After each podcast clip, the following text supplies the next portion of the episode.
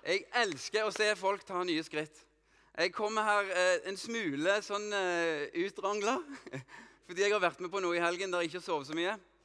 Eh, vi har hatt en Jeg, jeg eh, leder en organisasjon som heter Hope for Justice, der vi liksom eh, søker oss å finne mennesker som er ofre for eh, menneskehandel her i Norge. Finne de og så få gitt de alternativer, sånn at de kan komme seg ut.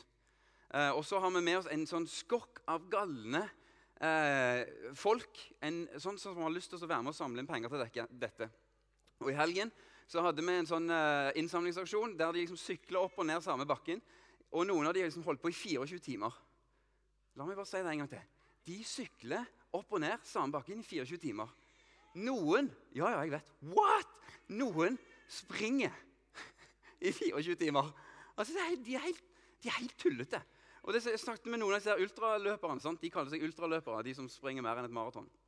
Eh, og de er litt sånn, ja, altså Vanligvis så springer vi jo bare for våre egne ambisjoner og medaljer. Eh, og dette er egentlig første gangen vi kunne få lov til å gjøre noe for en sak større enn oss sjøl. Så sier de vi har ikke vært i kjelleren, sånn fysisk sett. Og jeg tenker liksom, går det an? Men det, hver gang de liksom har runda den der servicestasjonen der jeg står og vifter med bananer og liksom kaffekopper, og sånn, så er de jo bare blide. Og så står de så danser de litt, og så bare 'Du er klar over du har sprunget i 16 timer?' 'Ja da, men dette er jo kjekt.' Sant? Og mens de gjør det, sant, så spør de om å få sponsormidler. Og Noen av de som har vært med oss, det er mennesker som har en bakgrunn som narkomane. Og Jeg bare lyst til å liksom, sette scenen her, for da skjønner dere hvorfor jeg er litt, sånn, litt begeistra i dag. sant? Dette er det jeg har vært med på det siste døgnet. Men dette er mennesker som har en fortid vært narkomane. Og så har de, de, det er akkurat som de har vært vant til at hver gang livet blir vanskelig, er så gir vi bare opp. Trenger vi ikke bry oss lenger. Og så har de fått god ledelse og god coaching av noen fantastiske folk ute på Jæren som leder noe som heter Alarm og No Limitation. Og så reiser de altså til denne her greien her, eh, og de har ikke fysiske forutsetninger for å lykkes med de målene de har satt seg. Og det blir knalltøft for dem. Og så blir det sånn Ja, men jeg vet hva det vil si å være fanga av noe. Sant? Jeg vet hva det vil si å være undertrykt, kontrollert og styrt av et eller annet. Og nå er jeg ikke det lenger, og jeg bruker min frihet til å gi noe til andre. Så dette har jeg fått vært med på. Det er bare Og jeg òg blir litt sånn Ja, hva bruker vi friheten vår til? Sånn, hva bruker man til? Jeg, de, altså jeg er så imponert, sant? men hun har eh, satt seg mål om å sykle liksom, Fordi vi regner høydemeter når du sykler en bakke. Sant? Skulle hun sykle Norges høyeste fjell. Hun skulle sykle Galdhøpiggen. Og når hun liksom sa det til meg, sant? så er det klart jeg er støttende. Eh, og sier dette kommer du til å klare. Men inni meg så tenker jeg men du har ikke forutsetninger for det. Og Hun sykler noen timer, sant? og så blir ting så vondt at hun setter seg ned og så griner. hun, Så sliten er hun. Så setter hun seg på sykkelen igjen så fortsetter hun. Så tar hun en runde til og setter seg ned og så griner hun igjen. Helt utkjørt. Hun holdt på i 16 timer. Sånn som det der. Fordi hun skulle fullføre noe. Fordi hun skulle stå løpet ut. Fordi hun hadde en eller annen sånn opplevelse av at dette er verdt. Dette er verdt å kjempe for. Jeg har lyst til å gi dere en tale i dag der jeg har lyst til å nesten litt sånn, gjøre det veldig klart for kirka mi at det er noen ting som er verdt å kjempe for. Så vet jeg at vi av og til i møte liksom med ondskap og de tingene som ikke funker, kan bli litt sånn ja, ja, men Er det noe vi kan gjøre? Liksom sånn, du får, får, nesten en sånn avmaktsfølelse på at Ja, men det er jo ikke vits at jeg Jeg har lyst til å få helt sånn tydelig for deg at hvis du tar det du har sett av urett, med deg framfor Gud Og jeg tror vi er mange i denne kirka her som reiser oss liksom på det og sier at ja, jeg, jeg, har gjort det, og vet du hva Gud sa? Gå og kjemp. Altså, skulle ikke gjort det. Det Gud sa, var gå og kjemp. For det du har sett, sånn skal det ikke være. Gå og kjemp. Det kommer til å bli litt voldsomt i dag. Eh, fordi vi skal til Dommernes bok. Og For de av dere som ikke er veldig belest i, i Det gamle testamentet, så er Dommernes bok egentlig bare masse tragiske historier med vold og drap. Eh, og Vi skal ikke bare til Dommernes bok, men vi skal til kanskje en av de verste historiene som er gjengitt i Bibelen. Eh, men Kapittel 19 begynner med og Forhistorien til dette er at israelsfolket i lang tid har prøvd seg og navigert på hva er rett og galt. Og vi har ikke helt fått det til. Og så er det noen enkeltpersoner som står fram blant dette folket, som er mange forskjellige stammer. Og alle stammene mener at de har noe som er rett, og alle familiene mener at de har litt mer rett enn de andre. Og så, så er det noen som står fram som type dommere for å skille mellom hva som er rett og galt. Og så er noe av utfordringen deres er som kapittel 19 sier. Det var ingen konge i Israel på den tiden. Det var ingen konge. Det var ingen som fikk regjere over dette folket med tolv stammer.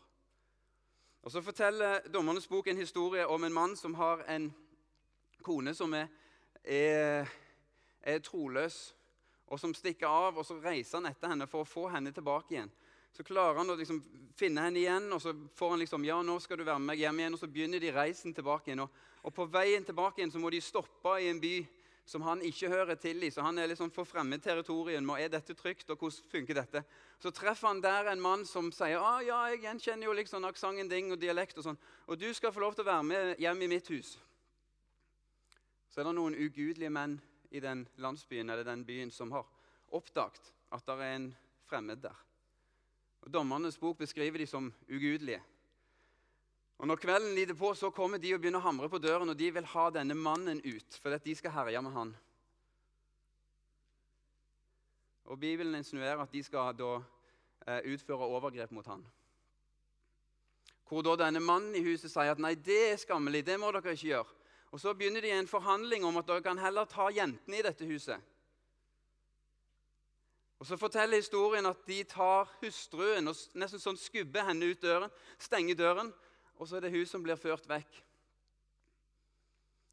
Og gjennomgår brutale overgrep hele natten, helt til det punktet at hun kryper tilbake inn til huset og dør på dørstokken. Sånn at Når mannen neste dag skal ut og, og dra hjem, så finner han hustruen sin død på trappen. Hvor han da plukker henne opp, tar henne med seg hjem og så forteller Bibelen at han finner fram en kniv og så deler han, han henne opp i biter. Og Så sender han én bit til hver stamme i Israel. For å si 'se denne uretten'. Og Alle disse stammene som mottar en bit i posten Litt usikker på hvordan det virker. Men de mottar en bit i posten på en eller annen måte med, med historien om dette skjedde. De velger også mønstre krigere.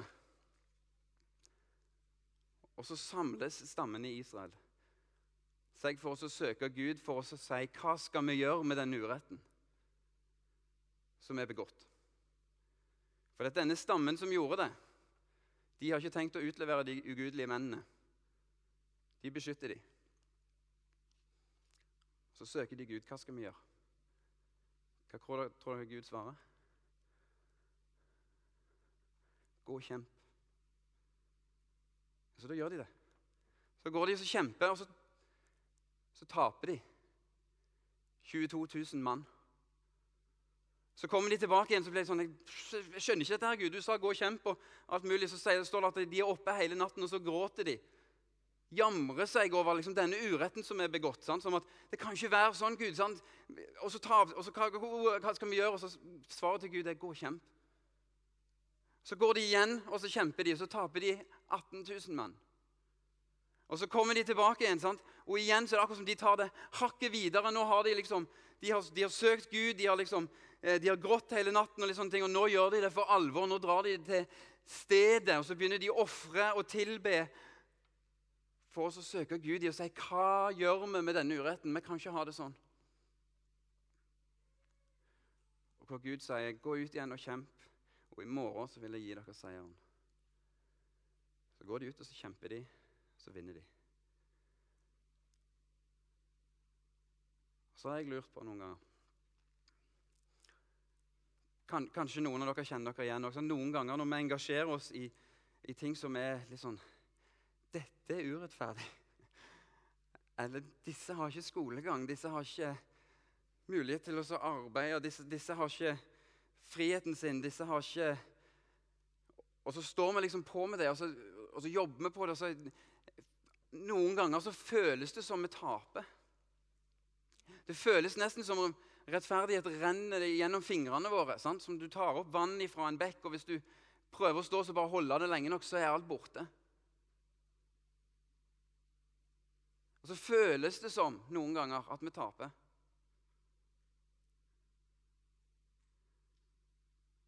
Så jeg lurte på da, om det er sånn at eh, Kan det hende at Gud lar oss tape noen slag for å vinne hjertet vårt?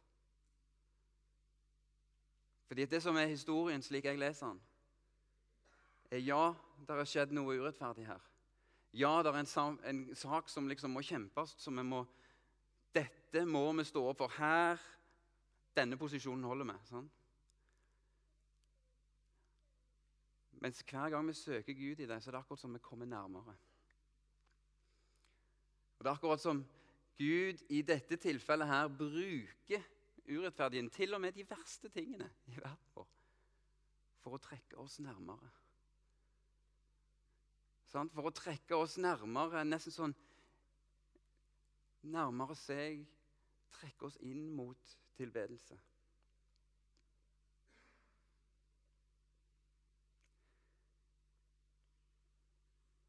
Jeg, eh, jeg har hørt noen som av og til sånn Ja, men jeg eh, Jeg òg skjønner at vi sikkert burde gjort noe, og sånn, men jeg, jeg, kjenner liksom ingen som trenger sånn hjelp. Eller jeg, det er ikke nært nok på meg. Eller jeg liksom Det er et eller annet med Utvik, Kan det hende at vi kommer i fare for å utvikle en sånn type filter? At når vi ser det som ikke funker, så bare velger vi å ikke se det. Og kan det hende at når, når, vi, når vi, nesten er blitt sånn vant til at ja, ja, men det skjer jo fryktelig mye galt i verden, og vi trenger ikke liksom sånn og sånn, og så står vi i fare da for Nesten sånn som mine venner som har en fortid med rus, som jeg har vært sammen med i helgen. At når ting blir vanskelig, så var vår første greie at nei, vi gir bare opp. Kan, kan, vi ikke gjøre noe som er mer komfortabelt? Vet du hva? Det er bedre med krigsskade enn liggesår.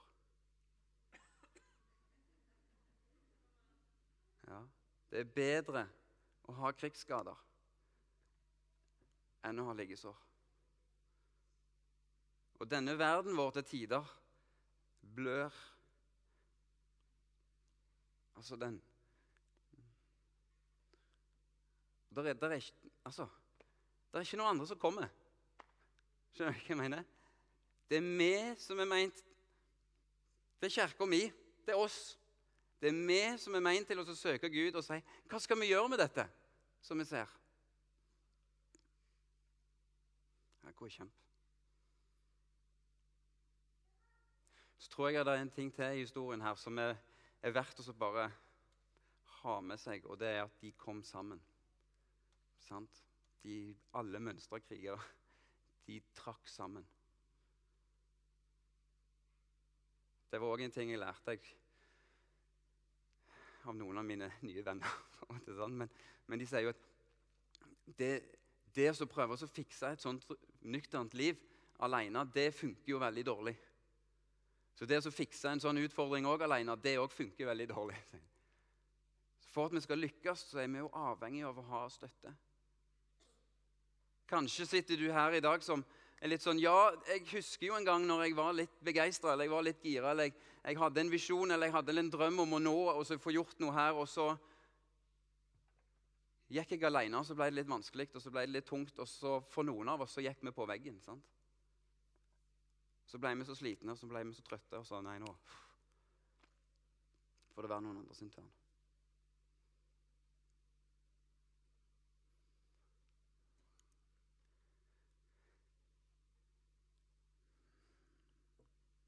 Bedre med krigsskade enn liggesår. Det er bedre med krigsskade enn liggesår. Og vi kan godt gå sammen. Vi kan stå sammen i disse tingene. Og De fleste av oss som sitter her, vi er litt sånn Det er, er ting vi skjønner er feil. sant? Vi skjønner at det er feil at østeuropeere skal komme til Norge gjennom et bemanningsbyrå og så sitte her og jobbe 250 timer i måneden for å være liksom kontrollert og innelåst i en brakkeby.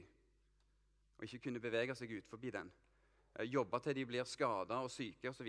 for å sitte igjen med 3000 kroner i måneden. Vi skjønner det er feil. Gjør vi ikke det?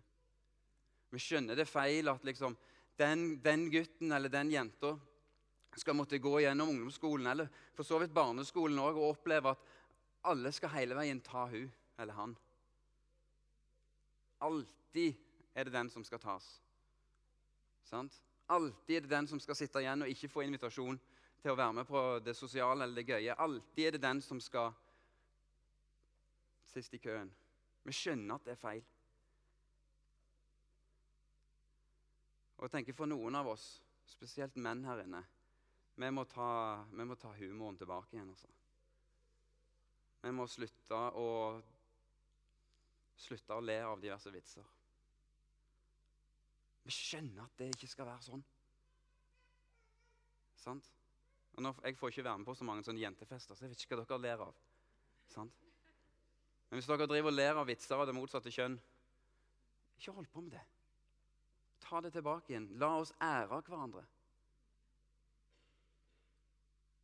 La det, altså, dommerne, sant?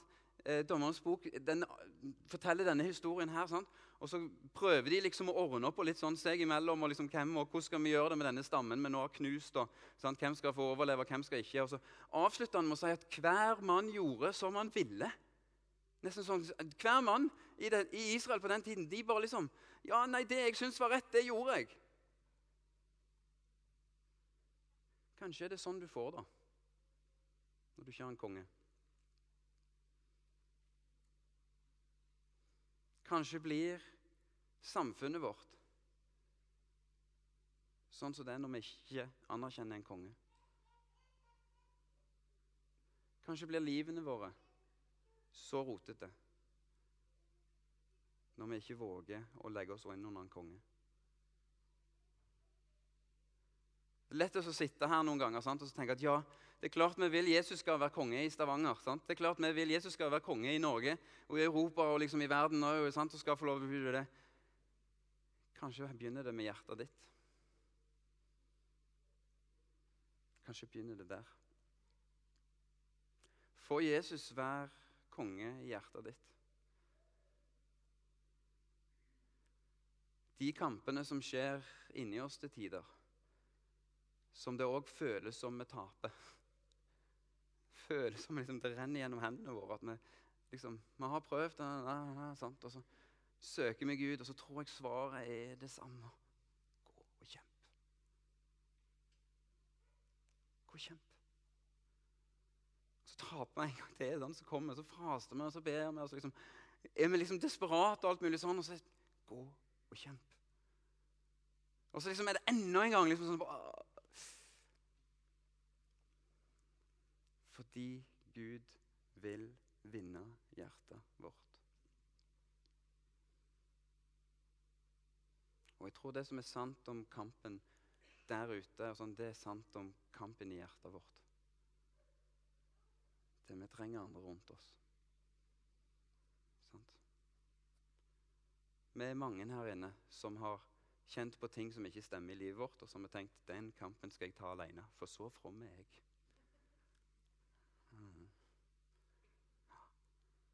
Bibelen snakker om å flykte fra fristelse som står opp i møte med ondskap. Vi har til tider gjort det motsatte. Sånn, vi har stukket av når ondskapen kommer. Som tenkte det får noen andre gjøre. Og så når fristelsene kommer, nei, da skal vi vise hvor, hvor sterke vi er. Her skal vi stå. Dette tåler jeg alene.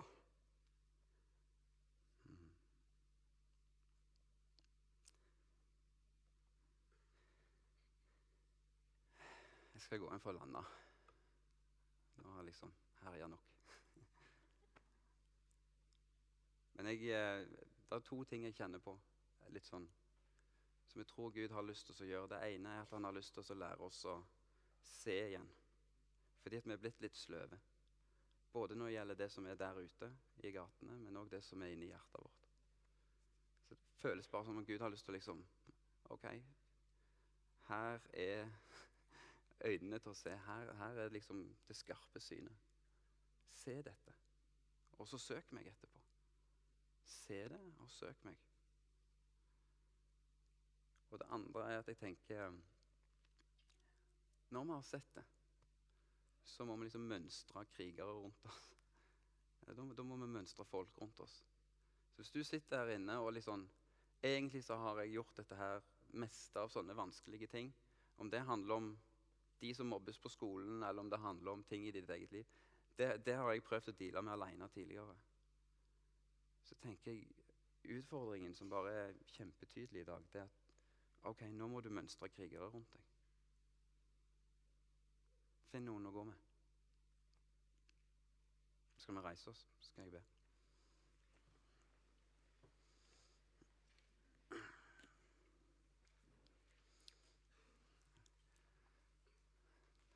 Dette er så velregissert. vet du. Lovsangsteamet bare tok det med en gang. Det er veldig bra. Nydelig. Ok. Takk, himmelske Far, fordi at du er her.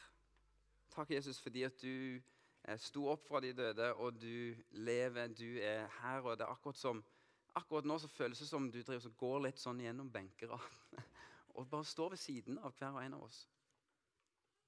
Kanskje det er litt sånn rar måte å beskrive det på, du har ikke hørt det før, men um, det kan godt hende at Jesus står ved siden av deg akkurat nå.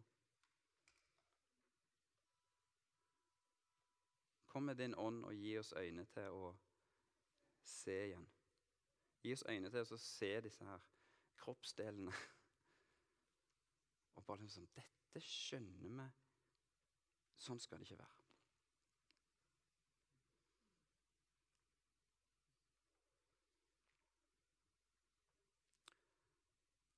Og kom også, akkurat sånn som vi står nå, for de av oss som trenger å liksom få vite hvem er det jeg skal gå med, hvem er det som jeg skal mønstre, eh, så må du bare la det dukke opp ansikter og navn i hodet på oss nå.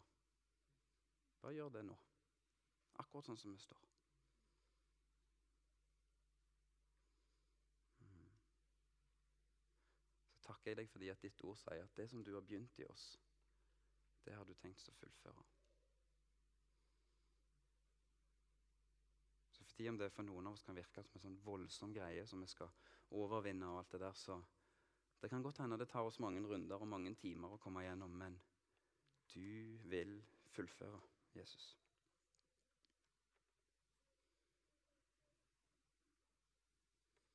Hmm. Så lurer jeg òg på for noen av oss om eh, Om det òg dukker opp noen ansikter inni hodet vårt eller navn eller sånn som vi kanskje bør be om unnskyldning til.